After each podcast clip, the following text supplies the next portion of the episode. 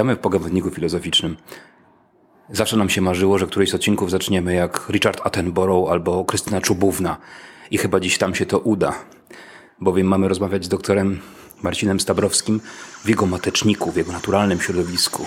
Bowiem znajdujemy się w Instytucie Kulturoznawstwa Uniwersytetu Wrocławskiego na ulicy Kuźniczej.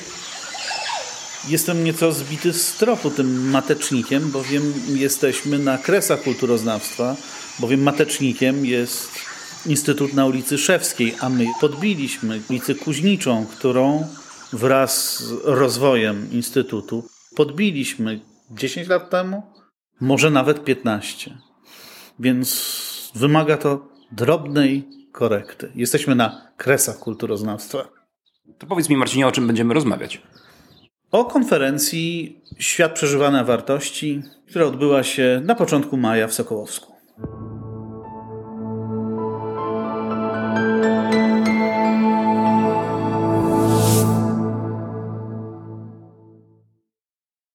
Dokonaliśmy magicznej sztuki, bo przed chwilą jeszcze byliśmy we Wrocławiu, w Mateczniku, przeciwko któremu protestowałeś, Marcinie. Tak, bo to były kresy. Bo to były kresy. A teraz jesteśmy u stóp Zamku Książ w Wałbrzychu, gdzie urzędujesz, rezydujesz i skąd, skąd jesteś, tak, Marcinie? Tak. Przypominam, naszym rozmówcą jest dzisiaj dr Marcin Stabrowski z Instytutu Kulturoznawstwa Uniwersytetu Wrocławskiego i mamy rozmawiać o konferencji, która odbyła się, no właśnie nie w Wałbrzychu, tylko tu niedaleko. A gdzie dokładnie? W Górach Wałbrzyskich w Sokołowsku. To może dokonajmy jeszcze jednej magicznej sztuczki i słuchacze nie muszą tego wiedzieć. Udamy teraz, że przenosimy się do Sokołowska, tam gdzie między innymi nagrywaliśmy rozmowę z Danielem Sobotą, którą już wyemitowaliśmy.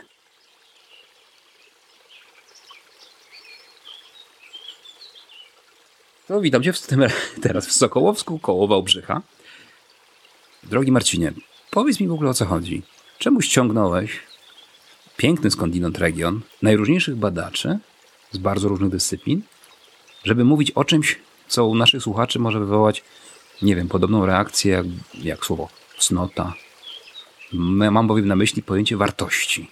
Dlaczego uważasz, że należało znowu, ponownie albo raz jeszcze pomówić o wartościach?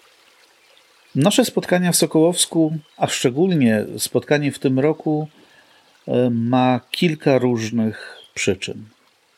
Po pierwsze, spotykamy się tu regularnie co roku na podsumowaniach prac pracowni badań nad światem przeżywanym. A tak się składa, że w tym naszym małym, prowincjonalnym wrocławskim środowisku wszyscy myślimy o świecie przeżywanym e, w kontekście wartości. Mianowicie sądzimy, że istotą świata przeżywanego jest odniesienie do wartości. Jakaś hierarchia wartości leży u podstaw każdego ze światów przeżywanych, wpływając na nasze sposoby myślenia, życia, zachowania, etc., etc. Ale też w tym roku mamy jeszcze jeden powód do spotkania, mianowicie odnowienie współpracy, o czym wiesz doskonale, z uczonymi z Torunia i ma nasze spotkanie na celu kontynuowanie seminariów elzenbergowskich. Spotkaliśmy się na pierwszym z nich 100 tysięcy lat temu, czyli ćwierć wieku ponad. W 97. W 97. Drugie odbyło się 20 lat, ponad 20 lat później. I na tym drugim obiecałem wszystkim, mając zaszczyt zakończenia obrad, że spotkamy się za dwa lata. Niestety na przeszkodzie stanęła reforma Gowina i pandemia. Niepotrzebne skreślić. Dwa jeźdźcy apokalipsy. Dwa jeźdźcy apokalipsy. No, zgodzisz się, że, że ostatnie cztery lata nie sprzyjały organizowaniu spotkań i konferencji. Zresztą, tak po prawdzie, to chyba losy konferencji są przesądzone. Nie jest to szczególnie mile widziana forma pracy naukowej, bo nie znajduje dla siebie dostatecznej reprezentacji czy wyceny punktowej. Trudno przy aktualnych budżetach instytutów zebrać pieniądze na takie spotkania. My jednakowoż będziemy to kontynuować, choćby w wersjach półprywatnych. I wreszcie trzeci powód to ten, o którym już poniekąd powiedziałem. Wyjście z tego covidowego impasu, wyjście z Teamsów, Zoomów i innych y, przestrzeni, w których dotychczas przez ostatnie lata żeśmy funkcjonowali i chyba zbytnio się do nich przyzwyczailiśmy. Użyłeś tutaj słów brzmiących bardzo nowocześnie. Teams, Zoom, spotkania zdalne online, internet, tego typu praca naukowa. A mnie się w tym kontekście ciśnie na usta pytanie, dlaczego chciałbyś, przezwyciężając ograniczenia tych narzędzi i też sposobów naszego działania naukowego ostatnio, wrócić do no, kwestii, które już, o które pytaliśmy już pięć lat temu i być może nawet ćwierć wieku temu. Dlaczego powrót do problemów, y, którymi zajmowali się Max Scheller, Nikolaj Hartmann, Henryk Elzenberg, przecież niedługo będzie to ponad 100 lat temu, miałby być jakoś intelektualnie ożywczy dla badaczy XXI wieku. Wyczuwasz, o co chcę zapytać? Czy przypadkiem to spotkanie w Sokołowsku nie było zebraniem jakichś epigonów, którzy kultywują tradycję myślenia o wartościach, podczas gdy obowiązują dzisiaj w filozofii, kulturoznawstwie i innych dyscyplinach już inne paradygmaty? To, że istnieją inne paradygmaty, to prawda, ale ja nie sądzę, żeby, żebyśmy już wszystko na temat wartości powiedzieli. Bardzo ważnym artykułem dla aksjologów jest słynny artykuł Ingardena, czego nie wiemy o wartościach, który znalazł trzy świetne komentarze wypowiedziane w ciągu ostatnich kilku lat. I choćby te cztery artykuły pokazują, że jest co robić że zajmowanie się wartościami jest nie tylko możliwe, ale jest wręcz konieczne. Mam tu na myśli zarówno stan współczesnej humanistyki, jak i te koszmarne plemienne wojny, które, które prowadzimy. Wydaje mi się, że to właśnie ta perspektywa aksjologiczna, to myślenie według wartości, celowo przecież przywołaliśmy, bowiem spotkanie tegoroczne w Sokołowsku jest naszym wspólnym dziełem, powiedzmy to wreszcie po tych kilku chwilach rozmowy, mm, że myślenie według wartości ma przyszłość, a nie tylko przeszłość, nawet więcej. Tegoroczne spotkanie uświadomiło mi, że niewielka czy rachityczna jest właśnie przeszłość. Ja wiem, że byli wspaniali giganci jak Scheller czy Hartmann, ale zwróć uwagę, że Scheller wcale do swojej aksjologiczności się tak chętnie nie przyznawał. Ten niespokojny duch sięgał coraz do innych dziedzin, do innych przestrzeni naukowych i nie zwykł był mówić, że jestem aksjologiem, raczej jestem antropologiem filozoficznym. Więc konkludując, więcej przed nami niż za nami. A co byś powiedział wszystkim tym, którzy przyklasnęliby temu mojemu dość przewrotnemu pytaniu? Posthumanistom, konstruktywistom, naszemu koledze Danielowi Sobocie, który, jak dobrze nasi słuchacze wiedzą z odcinka 73, dość radykalnie chciał się rozprawić z Platonem, a przecież rozmowę z nim nagrywaliśmy w kuluarach naszego sokołowskiego spotkania. Na czym miałaby polegać ta nośność i obietnica, która prześwieca przez program myślenia według wartości, przez e, kultywowanie i rozwijanie w dalszym ciągu tego, co nazywano od stu lat mniej więcej aksjologią. Powiadasz rozwijaniem nadal. Tymczasem żywie dość radykalne mm, przekonania o słuszności spostrzeżeń i przestróg wypowiedzianych e, przez Edmunda Husserla w słynnych kryzysach. Domagał się on stworzenia i pracy od uczonych, od filozofów nad nową, nad uniwersalną humanistyką, nawet nie nową, nad humanistyką w ogóle, nad perspektywą personalną, subiektywną, nad właśnie wartościami, nad tym wszystkim, co określał pojęciem świata przeżywanego. Pokazał, że w kryzysach ten wyśmienity rozwój nauk przyrodniczych i gigantyczne sukcesy, które dzięki temu osiągnęliśmy, współwystępował z zupełną atrofią zupełną atrofią refleksji głęboko humanistycznej. A zatem, kiedy słyszę rozwijać nadal, to nie potrafię przełożyć tego na to, co faktycznie się wydarzyło. Owszem, położyliśmy jakieś fundamenty, ale do czegoś, co jeszcze wciąż nie zostało zbudowane.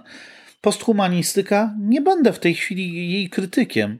Niech sobie będzie, jako przyrodoznawstwo, jako dowód kolejnych imperialnych tendencji w przyrodoznawstwie, by e, być nauką w ogóle. Proszę bardzo. No tylko, że ja w ten sposób, jak i osoby, które się tu teraz spotkały, tak nie myślimy. Ale ja nie uciekam teraz do tego, że niech sobie każdy myśli jak chce. Nie. Ja mówię tylko tyle. My chcemy budować humanistykę. Tą humanistykę, która u swoich podstaw ma wartości, osobę, subiektywność i różne inne ciekawe i jakże ważne także dla naszego codziennego życia elementy. Ja nie wykluczam i nie odbieram przyrodoznawstwu jego naukowości. Jestem jak najdalszy od tego. Krytyka braku humanistyki nie jest krytyką przyrodoznawstwa. Jest krytyką humanistów za to, że zawiedli. Po części potwierdzeniem tego, co mówisz, jest także no, szeroki wachlarz specjalistów e, i badaczy zaproszonych na to spotkanie, którzy nie reprezentowali tylko samej filozofii czy węzi rozumianej aksjologii. Ty, ty przecież jesteś kulturoznawcą, ale od razu to powiedzmy z wyraźnie filozoficznym skrzywieniem. Przyjmiesz. Dziękuję. ale powiedzmy też parę słów, bo przecież e, w gronie osób zgromadzonych w Sokołowsku byli przecież nie tylko filozofowie. Tak, to prawda. No ale y, mówiłem o tym, że celem jest namysł nad możliwością uprawiania humanistyki zgodnie z pewnymi postulatami i pomysłami Husserla.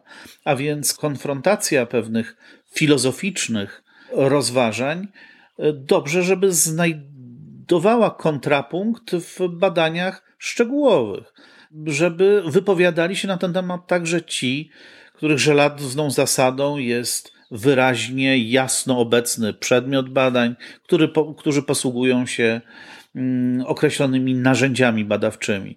Owszem, pomagają nam filozofowie w rozświetlaniu e, rozmaitych ścieżek teoretycznych, no ale to trzeba potem przełożyć na konkretne badania. Zresztą miałem podczas naszych debat kilka razy wrażenie, e, że możemy czasami wzbogacić debaty filozoficzne poprzez to, czasem wąskie, e, czasem mm, już raz używałem tego pojęcia w innym sensie, prowincjonalne mm, spojrzenie. Ale masz na myśli, masz na myśli taką e, partykularną perspektywę z, tak. z wnętrza danej dyscypliny. Tak, tak. Właśnie dobrego pojęcia, dobrego słowa użyłeś, mówiąc o partykularności. Na przykład z perspektywy tego niewielkiego poletka, którym się zajmuję, świadomość źródła historycznego, na podstawie którego chce formułować pewne sądy i odkrycia historyczno-kulturalne. Nie zawsze nawet najbardziej wyrafinowani filozofowie są tego świadomi. Owszem, potrafią cudownie opowiadać o źródle samym, o źródle życia, o źródle bycia, o źródle myślenia, i chwała im za to i zawsze z pokorą i uwagą słucham tego, co mają do powiedzenia. Ale idzie o materię zderzenia się z rozprawą, albo obrazem, albo muzyką sprzed 500 czy 400 lat i spróbowanie na tej podstawie odpowiedzenia na pytanie, jak żył, jak myślał, jak kochał, jak umierał ktoś, kto tak pisał, malował czy komponował. A powiedziałbyś coś więcej o, o tych przedstawicielach innych dyscyplin, bo ty rozumiem jako kulturoznawca pewien pożytek z tego spotkania e, no wyprowadziłeś, tak? Tak. A, ale wspomnijmy może innych uczestników i inne dyscypliny tam reprezentowane. Inne dyscypliny, ja tylko zanim zacznę je wymieniać, to dodam e, jedną tylko rzecz. Kulturoznawcy e, często twierdzą, że historia kultury nie jest subdyscypliną kulturoznawstwa. Istotą kulturoznawstwa jest kultura współczesna. Dlatego wolę o sobie myśleć jako historyko kultury. Mm, zwłaszcza z naciskiem na ten moment badania źródeł. Natomiast byli wśród nas także ci kulturoznawcy, którzy zajmują się współczesnością, byli wśród nas socjologowie, byli wśród nas religioznawcy. Więc z wielu perspektyw e, mogliśmy tu na, na kwestię wartości spojrzeć. Oczywiście powiesz i każdy e, łaskawy słuchacz może mm, dodać, że zabrakło przedstawicieli czy pedagogiki, która o wartościach przecież mówi, e, czy innych nauk, no ale możemy się tam spotykać dla dobra dyskusji w góra 15-osobowej grupie, a chętnych i tak jest więcej niż naszych możliwości ugoszczenia ich. Nie masz wrażenia, że ważnym komponentem tego spotkania było również to miejsce, jakaś taka magia tego miejsca, bo może powinniśmy także, nie jest to nasza główna rola jako pogawędnika filozoficznego, ale trochę zareklamować samo Sokołowsko, które, które stanie się przecież za chwilę miejscem akcji najnowszej powieści naszej noblistki, Olgi Tokarczuk. Owszem, Sokołowsko to miejsce, niezwykłe miejsce, gdzie kończy się droga, mm, ale mm, do Sokołowska wystarczy przyjechać, ba, wystarczy kliknąć w odpowiednie linki, które podpowie wyszukiwarka w internecie, żeby zaintrygować się tym miejscem. Dlatego wolę o nim myśleć jako o okolicy Wałbrzycha, jako lokalny patriota. Mm, będę tutaj mówił o górach wałbrzyskich i o Sokołowsku wówczas jako części nasze, naszych wałbrzyskich włości, do których wszystkich jak najserdeczniej zapraszam. Bardzo szanując ten twój lokalny patriotyzm, nie protestowałem, ale odniosłem wrażenie, że góry otaczające Sokołowsko nazywają się górami kamiennymi, nie wałbrzyskimi. Nie, nie, nie spiałeś tego za szeroką klamrą? Nie, nie. Suche, kamienne i wałbrzyskie tworzą jedną część. Wszystko to są góry otaczające Wałbrzych, tym bardziej wałbrzychocentryczność mm, jest tu uzasadniona. Pięknie reklamujesz i Wałbrzych, i Sokołowsko, przecież jedno z pierwszych, jeśli nie pierwsze, gruźlicze sanatorium. E, przepraszam, zrobiło się trochę dziadersko, więc wrócę do tego mojego pytania o epigoństwo, bo nie wiem, czy zdołałeś na nie dobrze odpowiedzieć. Wiesz o, o, co chodzi? My się rozumiemy. Razem przygotowywaliśmy tę konferencję. Grono zgromadzonych tam osób podzielało w większości nasze przekonania. Może poza Danielem, bohaterem naszego odcinka, który nas mocno w dyskusji prowokował, co zresztą było bardzo inspirujące. Ale Jesteś też nauczycielem akademickim. Powiedz mi, jak reagują twoi studenci, kiedy przychodzisz do nich z programem aksjologicznym? Już nie chodzi nawet o wyciąganie z zakurzonych tekstów Schellera, Ingardena, Hartmana czy Elzenberga. Czy masz wrażenie, że łatwo nawiązuje się dzisiaj kontakt z e, pokoleniem, nie wiem, tych digital natives, pokoleniem Z, e, kiedy chce im się opowiadać świat tym właśnie, przepraszam, że użyję znowu tego słowa, aksjologicznym, językiem nacechowanym wartościami, tym myśleniem i mówieniem według wartości.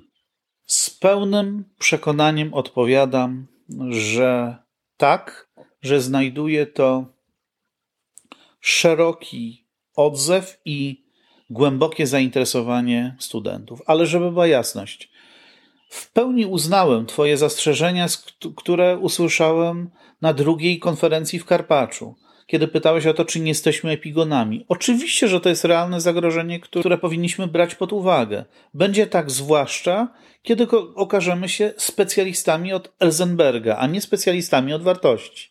To po pierwsze. Po drugie, ograniczenie wartości do tych trzech, które wskazaliście w jednym z odcinków mm, pogawędnika filozoficznego, gdy rozmawiałeś z panem profesorem Danielem Sobotą, no jest szalenie mm, niesprawiedliwe dla tegoż królestwa. No to jest ten problem, w którym, z którym mierzyło się kulturoznawstwo. Mierzyło się na dwa sposoby. Po pierwsze, poprzez fatalny zupełnie podział związany z tradycją neokantowską na wartości deklarowane i wyznawane. Hola, hola. Ten podział chyba jest nieprawidłowy. Zwrócił nam na to uwagę sam rozmówca, który poprosił, żebyśmy wyraźnie powiedzieli, że chodzi o podział na wartości wyznawane bądź deklarowane oraz realizowane. Coś, co szalenie utrudnia, a często po prostu uniemożliwia prowadzenie faktycznych badań kulturoznawczych. O tym można by bardzo długo rozmawiać i prowadzić rozmaite spory. Natomiast drugi problem polega na uznaniu tylko tych obszarów ku którym kierują się nasze motywacje, które są szczególnie wyrafinowane, ekskluzywne, właśnie dotyczące li tylko wartości estetycznych, wartości poznawczych czy wartości prawnych. Wartością jest także zdrowie, wartościowa może być również przyjemność, etc., etc. Mnie interesuje cały wymiar człowieczego życia. Nie tylko to, co w nim najlepsze, najszlachetniejsze i najgodniejsze. E, uważam, że debacie aksjologicznej bardzo zaszkodziło wykluczenie z obszaru wartości tych wartości niższych. O nie upominał się w swoich badaniach choćby pan profesor Lech Hostyński, ale przecież też tradycja anglosaska z namysłem nad rolą przyjemności w etyce czy pożytku w etyce wskazuje na, czy umożliwia takie szerokie myślenie o wartościach. Dla kulturoznawstwa, tak uważam, podział na tak zwane potrzeby i wartości był zabójczy, właśnie uniemożliwiając prowadzenie badań nad źródłami, takie, które, które ja prowadzę. Kiedy studenci zaczynają myśleć o wartościach nie jako pałkach używanych przez wrogie plemiona przeciwko sobie, albo nie o tym, o czym smucą ich bumerscy e, rodzice, tylko jako o czymś, co ich dotyczy, co opisuje faktycznie ich miejsce w świecie, co pozwala określić pewne szlaki, którymi się poruszają i które wybierają w swoim życiu, wówczas nie ma najmniejszego problemu do tego, żeby ich zachęcić do tego, by czytali Husserla, Schellera czy Hartmana i robią to często wspaniale.